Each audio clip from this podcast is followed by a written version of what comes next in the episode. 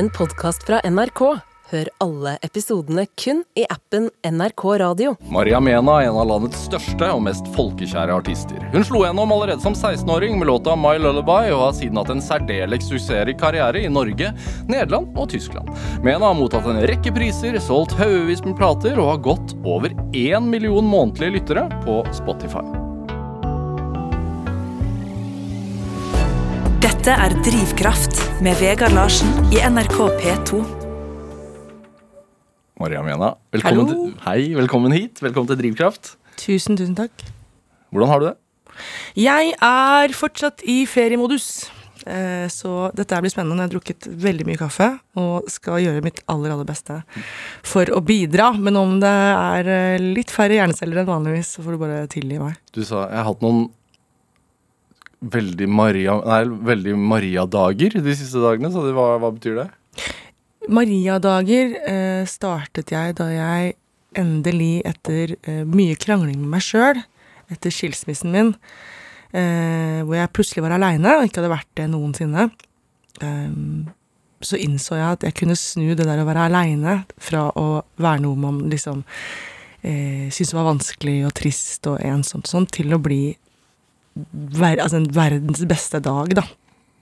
Eh, hvor jeg lager den maten jeg vil ha, jeg ser akkurat det jeg vil, jeg har på meg myke klær og, eh, og logger av. Ja. Legger bort telefonen og har Maria-dager.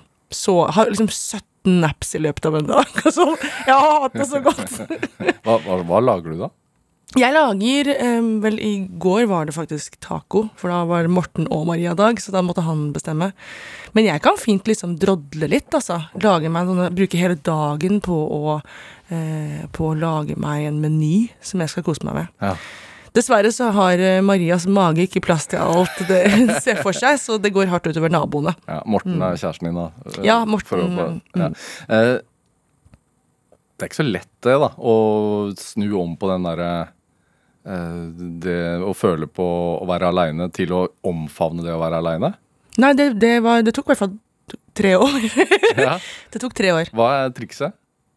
Ja, trikset er jo å unne seg selv disse dagene. Ja. Og innse at eh, Jeg tror veldig ofte så kan man føle på ensomhet og angst og alt som er liksom skummelt, som noe som man kan drukne i. Men når man klarer å snu det til å se Til å liksom ta en midlertidig ting, at det trenger ikke å være noe som Spesielt i ferier, da, så er det veldig mange mennesker som sliter med å forstå at f.eks. stillheten i gatene og det faktumet at alle andre er på påskefjellet og har det godt, eh, tilsynelatende godt, eh, at det kommer til å vare for evig. Ja. Det å, å huske at det bare er en liten periode, og heller liksom, istedenfor å ta de store spørsmålene og de store problemene der og da, at man bare ser på det som en sånn Ja, men nå fikk jeg meg en fri uke. Ja. Istedenfor å tenke at å, nå er det ingen her. Så må man Jeg tenke er sånn, «Å, alene sånn, i hele der. verden, og Ja. jeg kommer til å dø alene. Mm. Hvis du sitter sånn på de dagene du På søndager, da. Mhm. med litt fylleangst også, og tenker jeg kommer til å dø alene, da vil ikke de dagene bli Maria-dager. Men hvis du ser på det som sånn halleluja, jeg har en hel døgn aleine, jeg trenger ikke å ta telefonen eller svare på mail, og jeg kan se de dumme filmene som jeg ikke tør å si til andre at jeg ser på, eller jeg Som kan høre eksempel? på. Yeah, 27 Dresses, skjønner du? Sånn, sånn alt av Catherine Highgall-filmer. Eh, I går, derimot, så, så um, gikk det mye i Real Housewives-franchisen. Beverly Hills. Nei, nå er jeg faktisk på noe som jeg syns Altså, det det er lavere enn det.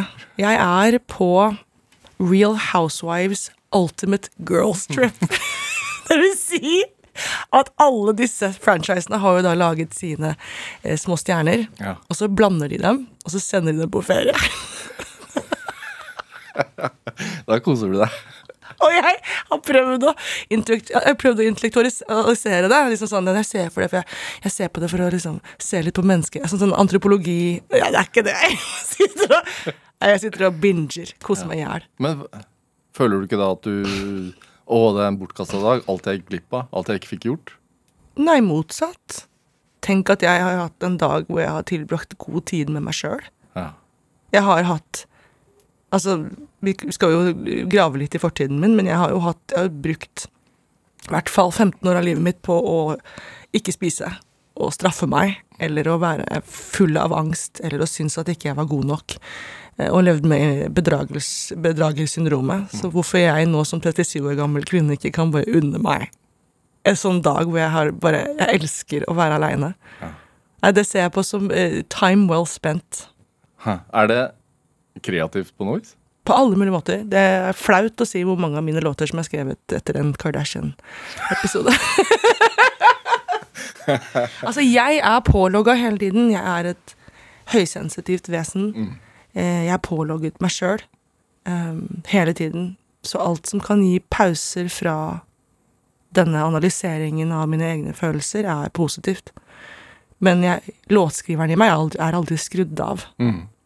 Hun er der hele tiden. Det er en drømmer som går rundt, og som kan skrive hvor som helst. Hvordan ja, Hvordan blir en låt til? Hvis du spør meg, så spør jeg deg. Ja, jeg skriver jo ikke låter, så jeg vet Nei, ikke. altså, noen av dem er jo Det hele begynte vel eh, Jeg innså at jeg hadde talent for det, var før jeg også innså det, idet foreldrene mine så det. Mm. Um, for jeg tror barnevakten min da jeg var liten, var MTV. Og da ikke denne reality The Osborne MTV, men da de faktisk spilte musikkvideoer. Mm. Uh, tidlig 90-tallet sitter jeg sikkert da i bleie, håper jeg. Var jeg fire år? Skal jeg ha meg bleie da? Jeg er sikkert ferdig. Ok. Da var du akkurat ferdig med bleia. antagelig mest sannsynlig Jeg håper det. ja. Må spørre pappa. Um, Det er rart med ser- unger. De blir tørre uansett. de, de gjør det, ja. ja ja Um, jeg sitter foran TV-en og ser på um, musikkvideoer. På loop. Og etter at dagen er over, så kan jeg alle låtene. Utenat. Altså, sånn, Det, det, det er jo imponerende. alle tekstene, alle Ja. låtene Ja, men jeg bare liksom Jeg, jeg, I figured them out, da. Ja. Har det noe med høysensitiviteten å gjøre, tror du? Det kan godt være. Først og fremst så, um, så, så, så var det som en sånn puslespill jeg bare forsto. At hvis du begynner sånn, så går du dit, og så går du dit, og så ender du der. Ja. Men også dramaturgien i det og historien bak det. Jeg forsto hvor du ville. Tekstlig. Ja. Så kommer jeg jo fra en veldig kreativ familie. ja hva vil det si? Absolutt. Alle er kunstmalere. Det har vært veldig, veldig åpent uh, deling av dikt og alt av, alt av eh, litteratur Mm. har vært veldig viktig. Bestemor Bestemor bestefar har jobbet som kunstmalere hele livet. Um, Altså på mors side? på mors side. Mm. Ja, på fars side har det Pappa er trommis og musiker. Um, mamma er en sånn Sånn sjel som bare aldri har Hun har bare sånn supermange talenter, men aldri helt har liksom kommet seg opp og fram når det kommer til det, da. Mm. Kjempeflink til å male, kjempeflink til å skrive. Alltid vært veldig kreativ.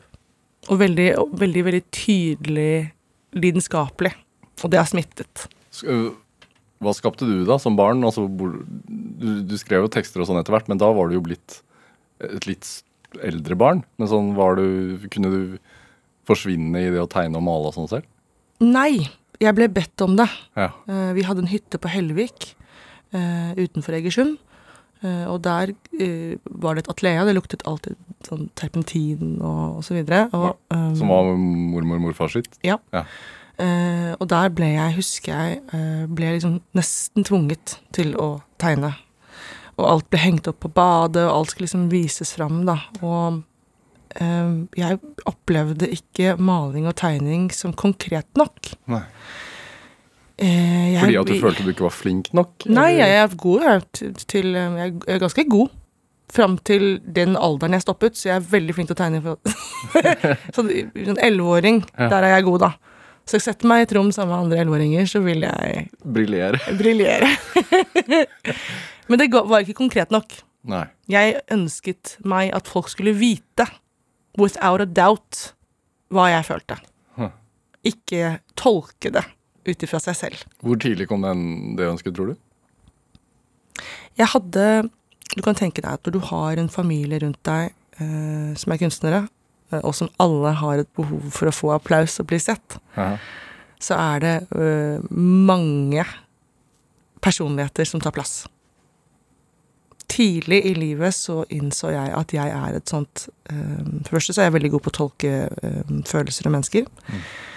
Eh, litt for god noen ganger. Og jeg har også en tendens til å føye meg etter andre menneskers personligheter. Og ettersom det var veldig mange tydelige, veldig tydelige, ekstreme personligheter i mitt liv, så tok jeg den plassen som var ledig. Mm. Og det var hun som var litt stille. Eller som om ikke annet ikke tok den plassen hun eh, kanskje skulle ha tatt. Mm. Eh, så i kunsten og i låtskriving, der tok jeg min plass. Føler du at du har tatt den plassen nå? På alle mulige måter. På alle mulige måter. Ja. Hvordan er man litt for god til å tolke andres følelser?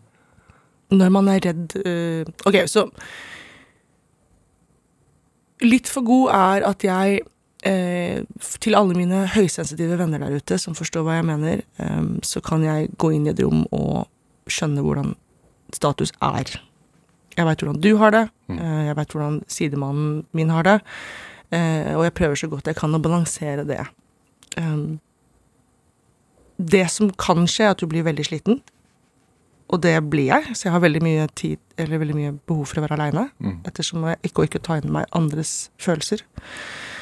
Men det som kanskje er det mest slitsomme for meg, som oftest er hvis noen sier at ting går bra, og så er det veldig tydelig at de ikke gjør det.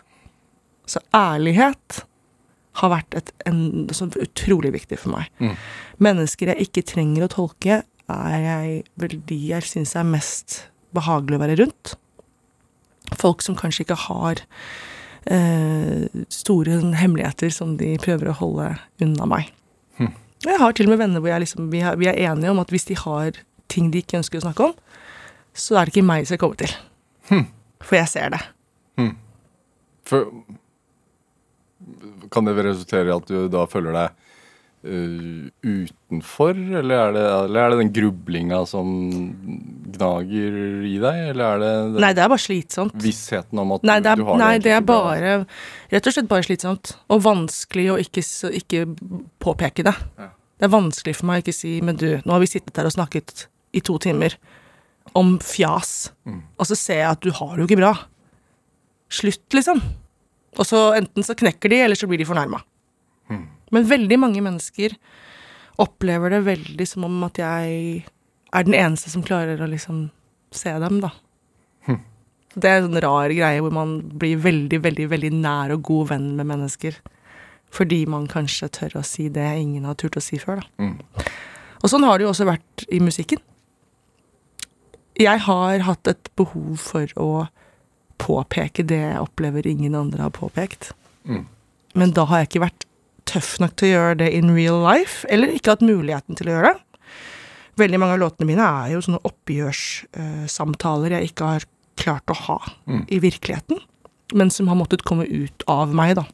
Mm, Det være seg i relasjoner eller veldig tydelig Det blir for dumt å ikke si det veldig tydelig i forhold til foreldrene mine. Um, I forhold til ekskjærester eller mennesker som Anmeldere. det har jeg også skrevet låter til. Eh, men mennesker som jeg har hatt et behov for å ha og, rydde opp litt med, men som man kanskje ikke har kunnet av forskjellige grunner ha i virkeligheten. Er du en litt sånn skummel venn å ha, fordi brått så kommer det en låt? Nei, jeg er en veldig Veldig Jeg opplever, og jeg tror vennene mine opplever meg som noen som de kan komme til når ting virkelig brenner på dass. Ja. Jeg vet, jo at du har brukt musikken som Altså, jeg har hørt masse av musikken din, og den oppleves jo som en dagbok. øh, Og jeg føler hvis jeg hører på musikken din fra du startet til nå, så, så er det umulig å ikke bli kjent med deg. Eh, Men er det like personlig når du skriver nå som i starten? Ja. Er det vanskelig Altså, er det er det mer jobb nå enn før, eller er det er det, det samme? Jeg er jo Jeg er jo gen generelt opptatt av selvutvikling. Jeg er opptatt av Og det er et veldig sånn misbrukt ord. Jeg er opptatt av å, å, å finne ut av hvorfor jeg er som jeg er. Ja. Og jeg er opptatt av å forklare det, sånn at det er lettere å være rundt meg. Jeg snakket med kjæresten min i går, og han sa det er liksom veldig lett med deg, fordi du, du sier det bare sånn som det er. Hvis det er noe, så sier du 'nå er jeg sint, Morten', eller 'nå, jeg, nå trenger jeg alenetid', eller 'nå trenger jeg mer kjærlighet'. 'Nå må du kysse meg, nå må du gå bort'. så sier jeg det For en kompis som, sa, som hadde fortalt han at det, det hadde ikke han hjemme, og han skjønte ikke hvordan han skulle klare å få det. Og så, så sier jeg jo, men det er fordi at jeg har jo Først har jeg innsett at det overhodet ikke vil være noen der ute som kan lese tankene mine. Så hvis ikke jeg forteller dem hvordan jeg har det, Det er en erkjennelse i seg selv, for det så kommer vi aldri dit, da. Jeg får, jeg, kom- jeg kom, det, det går aldri, liksom. Det lærte jeg for øvrig i første ekteskap. Hvis jeg ikke sier hva jeg trenger, så får jeg det ikke. Nå må du kjøpe blomster.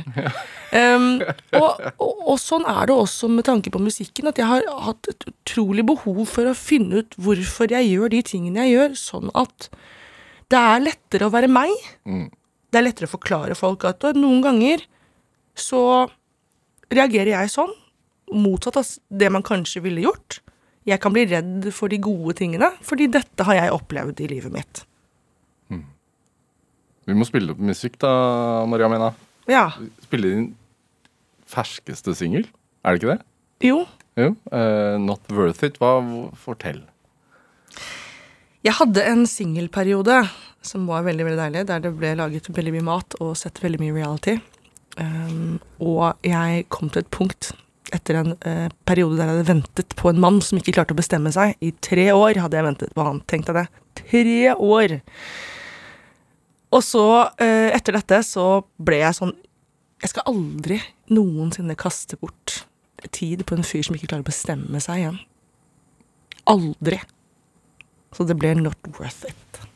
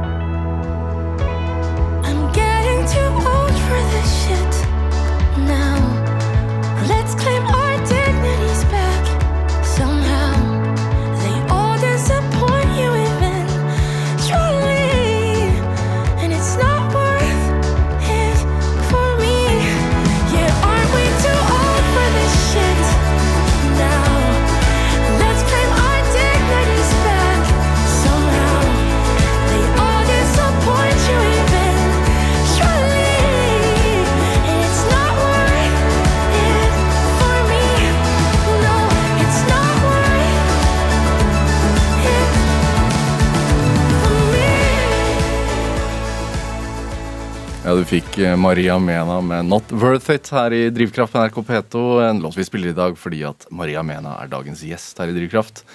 Prater så mye mellom låten mens låten spiller. Da, og da lurer jeg på deg. ja, da stiller du spørsmål. Ja. Ja, hvor nysgjerrig er du? Veldig. Ja. Veldig. Men mest eh, personligheter, da. Altså, sånn, jeg er veldig opptatt av andre typer mennesker enn meg. du, Jeg veit jo at altså, du bor på Grünerløkka i Oslo. Mm -hmm. uh, og er du, er du, står du i fare for å bli en sånn Grünerløkka-karakter? Jeg har øh, alltid vært det. ja. Jeg er Ja. født der. Ja. Altså Hvis du går bort til Kafé Tamara mm. og ser opp lite grann, så ser du leiligheten jeg kom hjem fra Ullevål sykehus. ja hvorfor, hvorfor har du blitt boende? Det føles trygt og godt. Jeg har eh, i løpet av barndommen min, eh, fram til jeg var 13 år, flyttet i hvert fall 20 ganger. Mm. Jeg kommer fra en familie der det har vært lite penger. Mye kreativitet, mange sterke personligheter, fryktelig lite penger. Da typ vi trenger assistanse. Mm. Um, og det har også gjort at uh, mor og far har tatt en del liksom, rare valg uh, sånn, med tanke på bosituasjon, og som har gjort at vi har blitt kastet ut uh, i ny og ne. Mm. Måttet flytte inn og ut uh, av forskjellige steder. Og det har, når du lever med det veldig tett på kroppen tidlig i livet, uh, og det er liksom ikke Det, det gjøres ikke noe um, effort for å skjule at vi er redde for om vi har råd til middag, eller om vi har noe sted å bo, Mm. så har det gjort meg veldig redd. Så for meg å eie en leilighet, for meg å kunne betale den husleia, uh, whether I have a job tomorrow or not, Mm. å ha meg tilgitt, jeg er halvt amerikansk, det er derfor jeg fullfører en del setninger på engelsk, um, det har vært veldig viktig. Mm.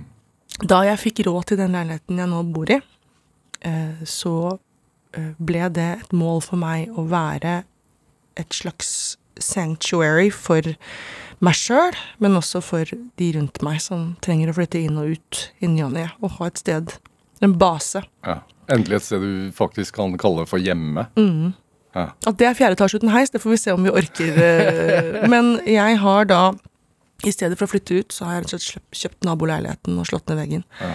Så så glad er jeg i den leiligheten, og det hjemmet det er for meg, den tryggheten det er. Ja.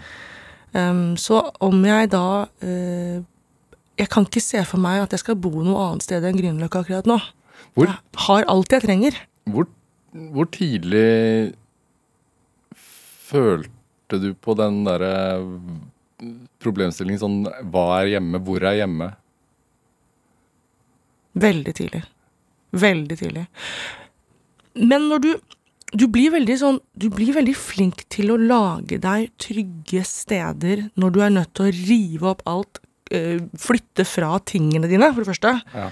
Eh, jeg har ingenting fra barndommen min, ingen leker som noen drar fram og sier 'se her, husker du den?' Altså, vi har måttet flytte midt på natta. Ja. og flytte inn på folks soverom og bare bodd som familie der. Jeg kan ikke fortelle deg hvor mange ganger mamma har sovet på stua, liksom. Eh, mens vi har fått soverom. Mm. Så eh, du blir veldig flink til å lage deg sånne små baser. Du har vært veldig god på Jeg husker da vi bodde på Sagene, i 13. etasje, i en sånn sosialbolig der det er i hvert fall seks etasjer. De første, de første seks etasjene er med folk som sliter med rus. Og ganske skummelt å, å, å ta heisen opp og ned Mm. som ung. Så husker jeg at vi kom oss liksom aldri ut av den der flyttehaugen i den leiligheten. Men mitt rom var alltid strigla. Så hvis vi fikk besøk, så var det liksom, husker jeg mamma sa sånn på moro skyld at vi må gå inn på Maria sitt soverom, for det er det eneste stedet jeg har lyst til å vise fram, da. Og det har jo, det der å liksom ha det fint rundt meg, og trygt og godt, og re senga og litt sånne ting, det har vært viktig for en sånn følelse av hjem. ja. Og det forfølger deg nå? Ja, Ja. det gjør det. Jeg syns det er fint å ha det fint rundt meg. Jeg syns det er godt å få lage, være hun som lager middag, og være hun liksom mammaen. ja. Det syns jeg. Blomster. Nei, det, de kommer for å dø hos meg. Men jeg har funnet ut av noe som er lov, da. Og det er lov med falske blomster. Er du, er du sånn som prater med de på butikken?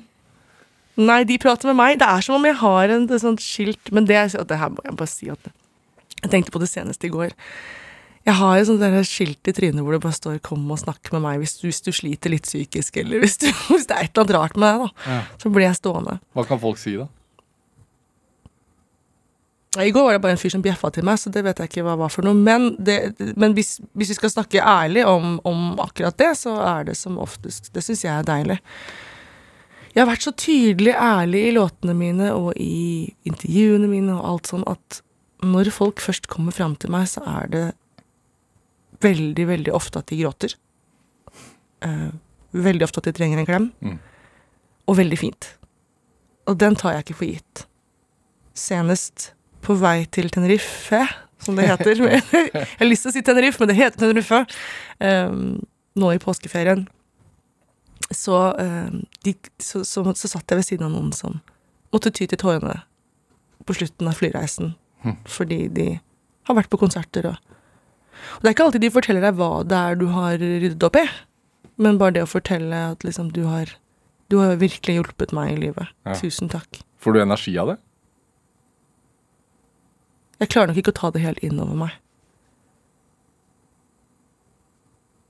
Jeg må føle selv at det er hyggelig å høre, sånn som du sier, at det er så og så mange streams og så og så mye greier og sånn, så har jeg dager hvor jeg bare hvor jeg, det, det, jeg, jeg opplever det som informasjon inn et øre og ut et annet. Og så har jeg dager hvor jeg kanskje står på scenen, det er som oftest når jeg står på scenen og synger, Mm.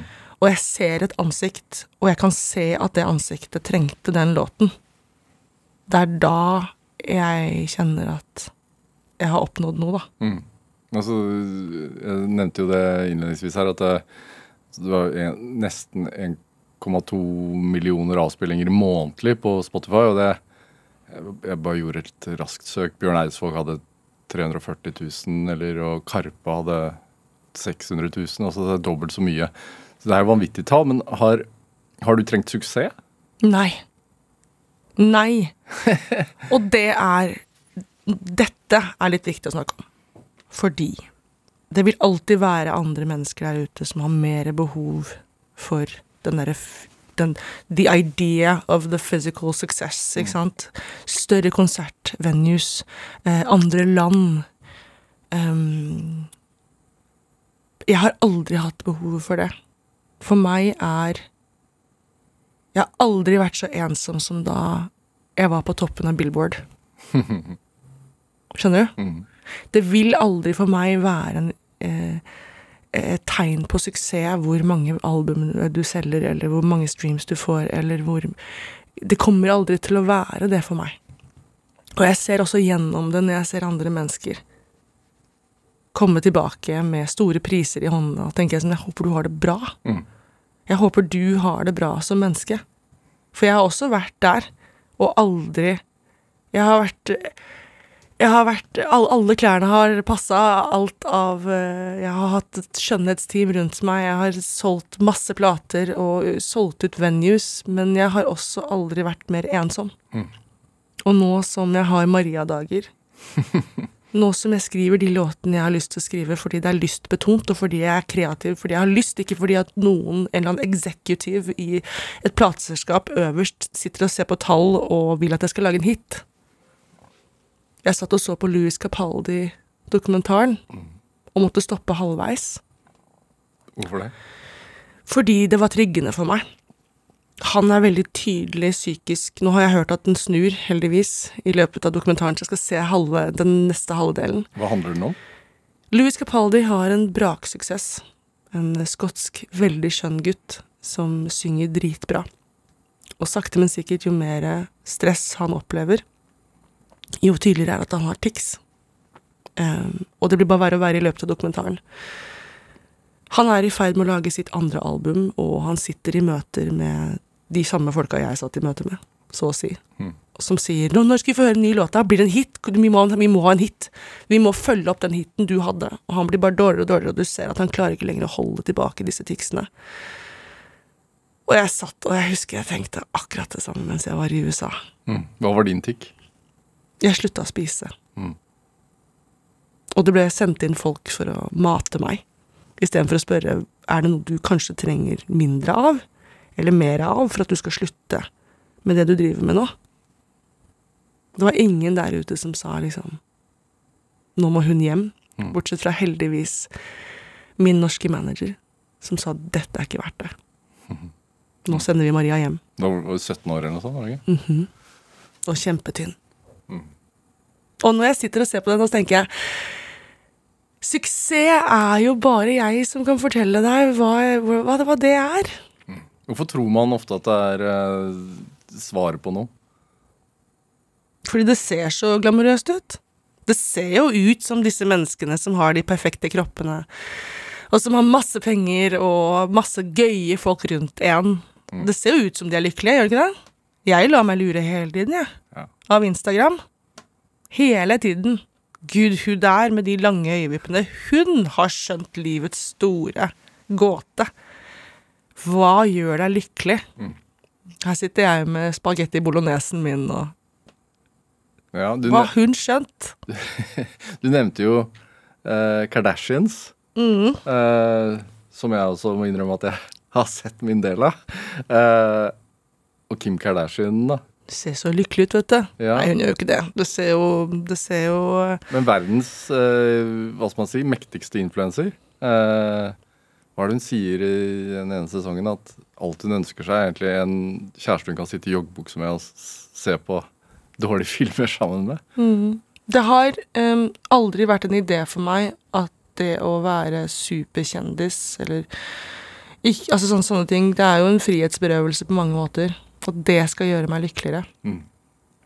Men det å Nei, jeg, jeg har, det jeg derimot ønsker meg i livet, og som jeg opplever som suksess, er jo å få lov å sakte, men sikkert um, Og alltid få lov å spille litt konserter for folk, eller få lov å lage den plata jeg har lyst til å lage, og, um, og, og være så heldig at jeg får lov å bli invitert hit og sitte og snakke om meg sjøl. Sånne småting som det som jeg tenker sånn der, hva, det er, det er jo en drøm. Men liker du det, da? Å sitte og prate her, ja. Ja. Det er jo som en gratis terapitime. Men blir du Når du har vært så utleverende som du har vært, Mm. og pratet om om deg selv altså Du var en av de aller første uh, kjendisene, for å, for å bruke det ordet, som, som virkelig tu, turte, i hvert fall i såpass ung alder, å, å by på uh, vanskelige problemstillinger. Eh, psykiske utfordringer, spiseforstyrrelser. Så sånn sett et, et forbilde for veldig mange fra tidlig av. Men når du har pratet om det mange ganger, meg, altså, føles det like sterkt, eller blir det litt sånn ut av deg selv, altså at du ser deg selv utenifra? Nå oppleves det mer som at hvis folk lurer, Ja. så føles det ut som en plikt å fortelle. Mhm. Ettersom um, det kan redde liv. Så jeg syns det er spennende å snakke om spiseforstyrrelser fordi at jeg nesten, og jeg er blitt så frisk, at jeg nesten ikke skjønner hvordan hjernen min kunne gå dit. Mm. Og, og at, at det å eksempel reise på ferie, da, som jeg nettopp har kommet hjem fra, at det var min altså, sånn, Bare det var et helvete på jord, ikke sant? Ut av rutinen sin, masse fremmed mat, masse fremmede speil på et hotellrom. Pla planlegge hvordan du skulle oh, vise at du ikke spiste. Det var altså så ille å reise på ferie. Og nå var det bare glede. Mm. En klok dame, aka min psykolog, eh, sa til meg en gang at når du har lært noe som kan endre menneskers liv, og som kanskje kan redde folk, så er det din forbanna plikt å lære videre. Mm. Og jeg gjør det i intervjuer, selv om folk kanskje er lei av å høre om det. eh, Og jeg gjør det i sangene mine. Mye fordi at hadde Maria, 14 år, hatt Maria, 37 år, som kunne fortelle henne Mm. at du må bare holde ut. Og du må bare gjøre det du fortsetter å gjøre det du gjør. Lær deg hvorfor du gjør dette her. Ikke fokuser på maten. Fokuser på hvorfor du, hvorfor du straffer deg selv ved å ta bort omsorg. For det er jo det mat er. Næring og omsorg. Og, altså, det er jo rett og slett bare kjempegodt for deg. Mm. Hvorfor du bevisst og ubevisst tar dette fra en ung jente. Finn ut av det. Mm. Og en dag så vil du kunne sitte i en podkast og fortelle videre hvordan du ble frisk. Men er det ikke det mye av musikken din også er, at du forteller en yngre versjon av deg Du gir en yngre versjon av deg råd, på en måte? Hele tiden. Hele tiden. Og ikke alltid en yngre versjon heller. Noen ganger så har jeg veldig, veldig behov for å høre det selv. Ja. Senest den Det kommer en ny singel nå som heter Try Again Tomorrow. Og den har jeg selv behov for å høre. Eh, hvordan bruke de dagene hvor du ikke har energi til å være det mennesket du ser for deg at du skal klare å være. Hvordan bruke de positivt, og tørre å gi seg selv disse dagene hvor du har dårlige dager, som sånne små gaver, i stedet for å sitte og piske seg sjøl. Så ja, jeg Målet mitt i livet er jo egentlig å ha én låt for absolutt hver eneste følelse som finnes der ute, sånn at du skal kunne gå inn og google sånn Maria Mena, jeg, jeg trenger en låt om det her, jeg. Og så har jeg skrevet den. Få deg til å føle deg litt mindre alene. Ja. For det var det Maria 13 som begynte å skrive låter, trengte. Ja. Det var jo derfor hun begynte å skrive. Hun ville føle seg litt mindre alene. Hva trengte du når du skrev My Lullaby? da? Jeg trengte å fortelle mamma hvordan det var å være meg i skilsmissen. Uten å noensinne egentlig klare å si det. Så det her ble den samtalen, og that's it. Skal, vi, skal vi høre den låten? Det Det er på en måte starten på det hele. Oh yes.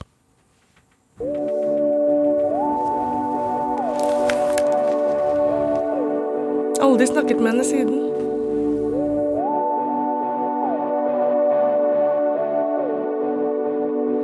Mom, please tell me what to do. I'm so disappointed in you. You said those words that made me cry, and you always wondered why. Why I sing my lullaby.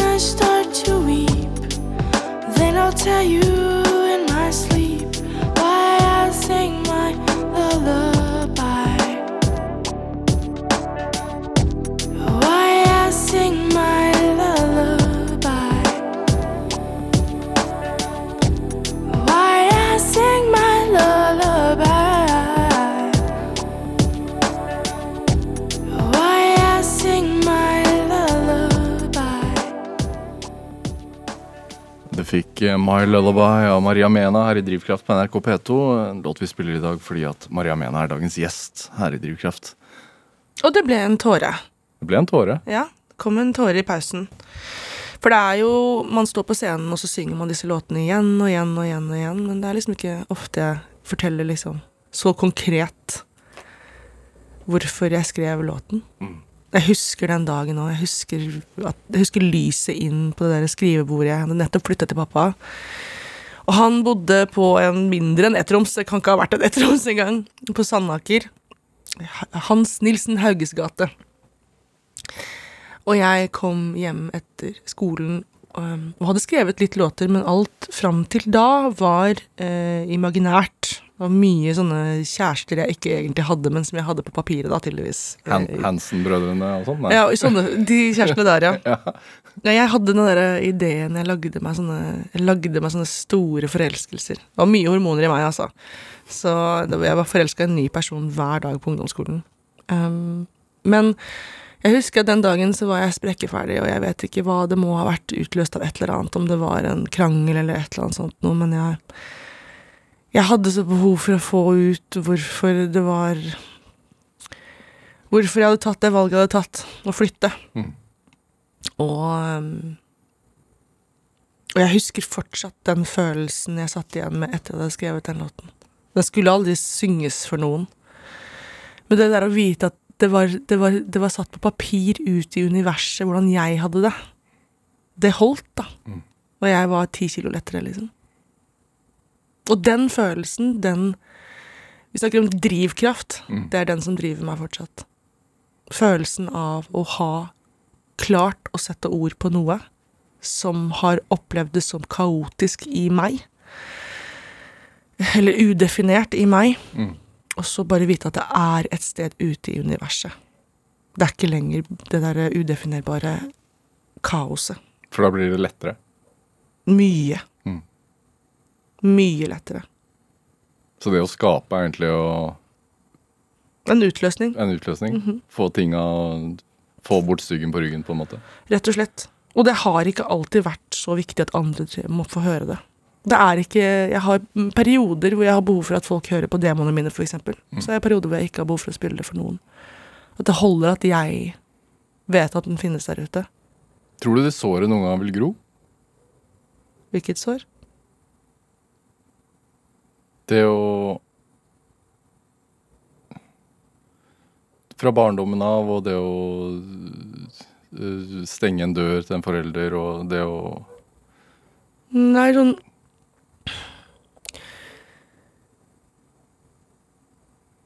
Det er veldig, veldig viktig. Hvis det sitter noen der ute nå som har tatt avstand fra en forelder eller et barn eller, altså, Et barn tror jeg veldig sjelden skjer, men en, et familiemedlem, mm, eh, så er det veldig viktig for det, den personen å vite at det valget var riktig for deg. Uansett hvor mange som skal mene noe. Jo, men det er jo mammaen din, og ja, ja, men det er jo, det er jo familie. Mm. Det er veldig, veldig viktig at du og dine følelser får lov å veie mest. Uansett hva andre mennesker mener. Hadde jeg skulle ønske noen hadde sagt det til meg. Derimot vil ikke det valget komme uten skyldfølelse. Det vil ikke komme uten at det endrer seg. Jeg opplever det som et sår, jeg kan godt kalle det det, men en slags åpning som er konstant i bevegelse. Og jeg anbefaler å gi det større plass. Veldig ofte når vi syns noe er ubehagelig å kjenne på, så dytter vi det bort. Psykisk. Sånn, Åh, nei, jeg vil ikke tenke på det. Uff. Det jeg gjør, er at jeg veldig, veldig aktivt sørger og gråter og holder dette mennesket jeg har tatt avstand fra, veldig kjært. Jeg elsker dette mennesket. Men jeg setter en grense. For jeg elsker meg selv også. Jeg så nettopp en serie som gjorde at jeg Som handlet om mor og datter. Som gjorde at jeg gråt mange viktige tårer for meg sjøl og for mitt eget forhold til min mor. Og det vil alltid da som sagt være i bevegelse, men jeg Jeg opplever det ikke som noe som kommer til å hemme meg i livet. Tvert imot så tror jeg det vil gjøre meg sterkere. Men det er mitt valg. Og det er eh, ingen som skal få lov å mene noe om det. Annet enn meg.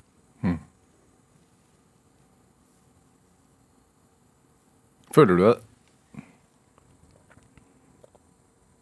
på det beste stedet i livet nå? Jeg har en, jeg har en utfordring som jeg ønsker å bli, finne en balanse i, men ja. Jeg unner meg selv en kjærlighet som jeg aldri trodde jeg skulle få oppleve. Eh, Og det morsomme med den kjærligheten, med det mennesket jeg er sammen med, som jeg bor sammen med, er at det bunner i meg. Jeg hadde aldri kunnet kjenne på hans kjærlighet hvis ikke jeg hadde kommet til et punkt der jeg elsker meg. Og det syns jeg er så spennende.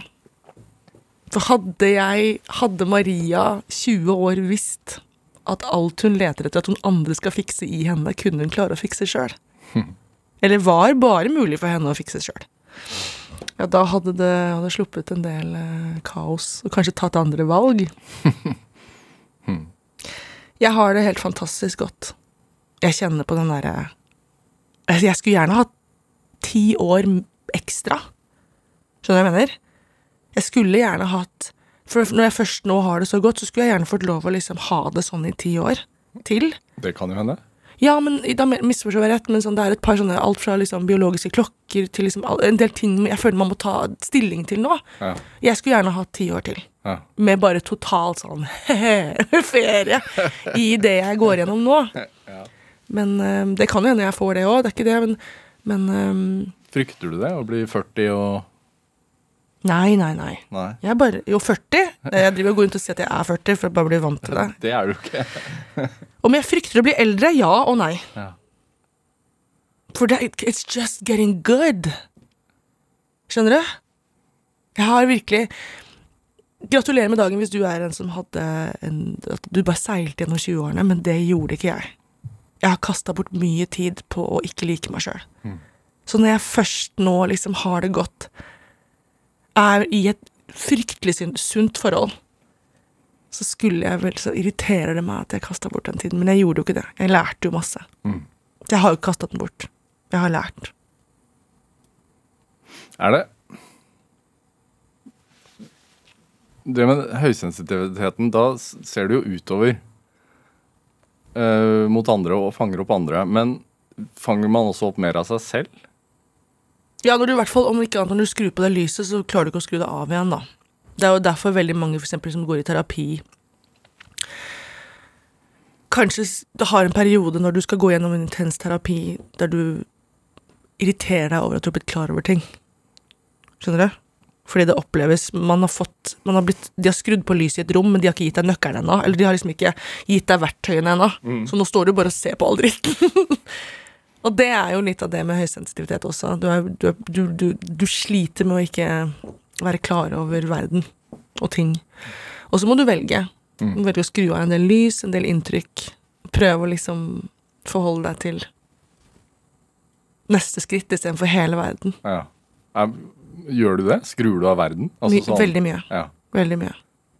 Så krig og elendighet og klimakrise og sånn, det skrur du av? Det, jeg tenker at det håper jeg alle gjør på, i, i tid og orden, holdt jeg på å si, titt og ofte. Mm. Hvis, hvis du skal sitte der og være klar over, og konstant i det, i alt, så blir det jo litt som han derre Espen Askeladden-figuren, han med syv vintre og syv somre i magen. Sitte og holde på det! Men det betyr ikke at jeg ikke bryr meg. Det betyr ikke at jeg ikke er klar over ting. Det betyr at jeg tar det inn i de dosene jeg evner å ta det, og så, så tar jeg de kampene jeg kan ta. Og for meg, Mm. mitt vedkommende, som selvfølgelig bryr meg om absolutt alt av klima og krig og Jeg synes det er forferdelig at vi nesten ikke, jeg nesten ikke evner å ta inn over meg flere skoleskytinger. Skjønner du? Mm. Før var det jo sånn det var krise, og nå er det sånn å ja, en til. En i uka? For meg er mental helse min store kampsak. Mm. For der har jeg fått innblikk i hva man eventuelt kan gjøre for å ta skritt mot bedring. Sånn, den, den, forst- den har jeg klart å forstå litt, grann, liksom. Mm. Der kan jeg hjelpe. Ja. Du sa jo Før vi gikk på lufta her, så lagde du en TikTok. Ja. Og da sa du at mitt forhold til sosiale medier for eksempel, har forandret seg så ekstremt de siste årene. Veldig. Jeg, jeg legger ut. Jeg tar ikke inn. Nei. Så jeg gir folk innblikk i min verden når jeg har energi til det.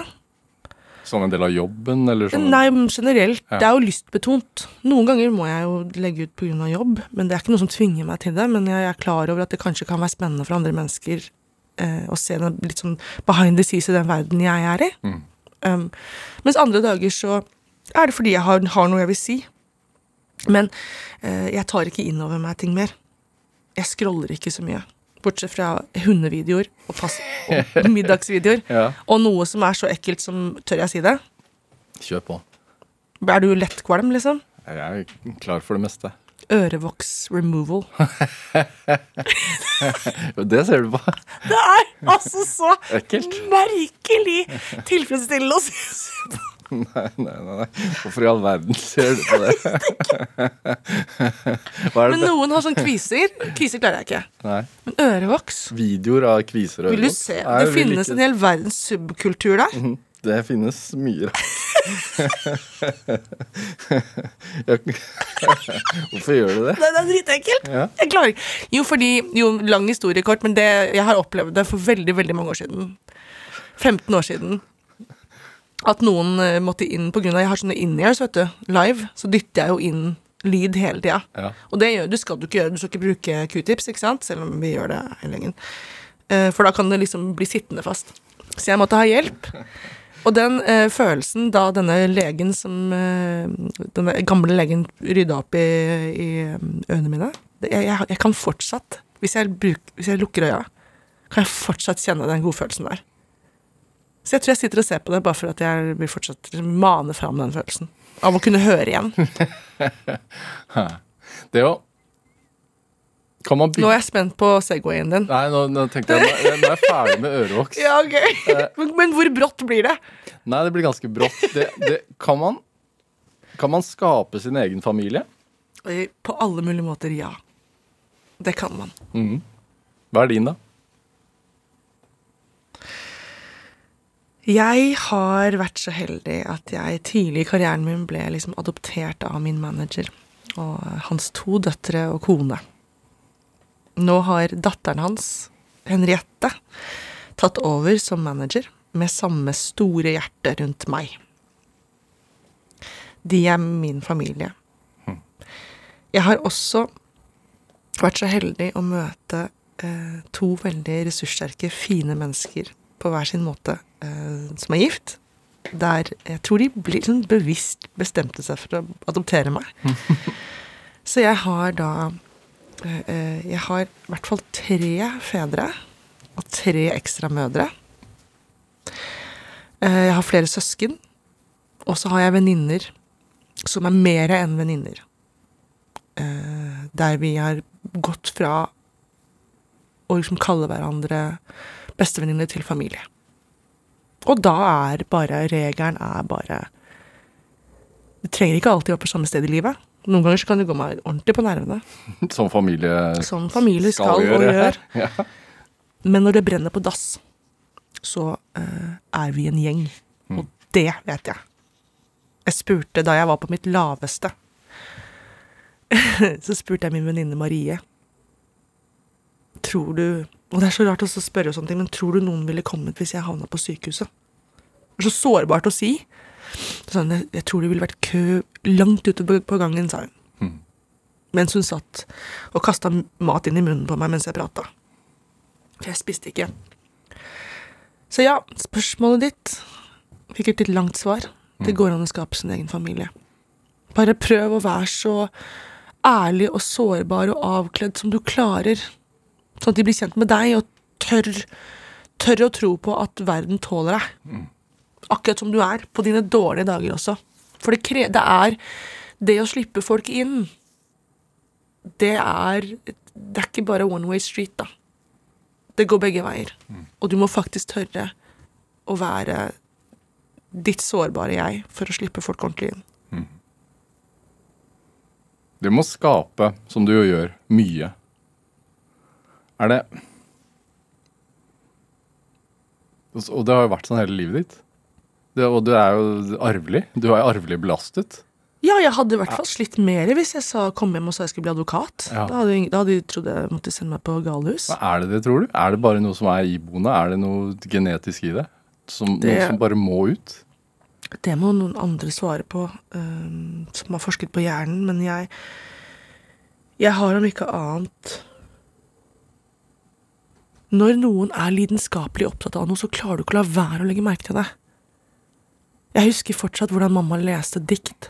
Som om det om at hun stoppa opp, og sikkert dikt jeg overhodet ikke var gammel nok til å høre heller. Akkurat samme som hun jobbet på teater. mamma jobbet på Norske Teatret og Nationaltheatret. Uh, og jeg satt veldig ofte i kulissene og venta. Det var liksom min fritidsordning, da. For sånn var det. De hadde kvelds, eh, kveldsjobber, og så, og så eh, måtte jeg da sitte der. Og det å liksom sitte og oppleve noe som folk opplever så lidenskapelig og er så opptatt av, og som er så vakkert, Mm. kan jo ikke noe for at jeg har lyst til å oppleve det, jeg òg. Jeg har alltid villet stå på scenen, Mm. selv om det har vært vel noe av det skumleste jeg har gjort. Ja. Får du gåsehud ennå? Er det gåsehud, eller er det rennaræv man får? Det er det jeg lurer på. Står jo ikke bak der med nervene mine og får gåsehud av meg sjøl. Hun får dårlig i magen, mest av alt. Du må jo tisse tusen ganger før du går på scenen. Må du fortsatt tisse? Ja, det må jeg. Maria Mena, en time går altfor altfor fort. Ta en Eh, til en annen gang. Hva er drivkraften din? Jeg håper å lage musikk som kan være der i alle anledningene i livet til folk, og være en trøst. Det tror jeg du får til. Tusen takk for at du kom hit til Drivkraft. Takk for at dere kom. Høre flere samtaler i Drivkraft på nrk.no eller i appen NRK Radio. Produsent og researcher i dag det var Camilla Bolling-Muir. Dette var Drivkraft. Jeg heter Vega Larsen. Vi høres. Du har hørt en podkast fra NRK. Hør alle episodene kun i appen NRK Radio.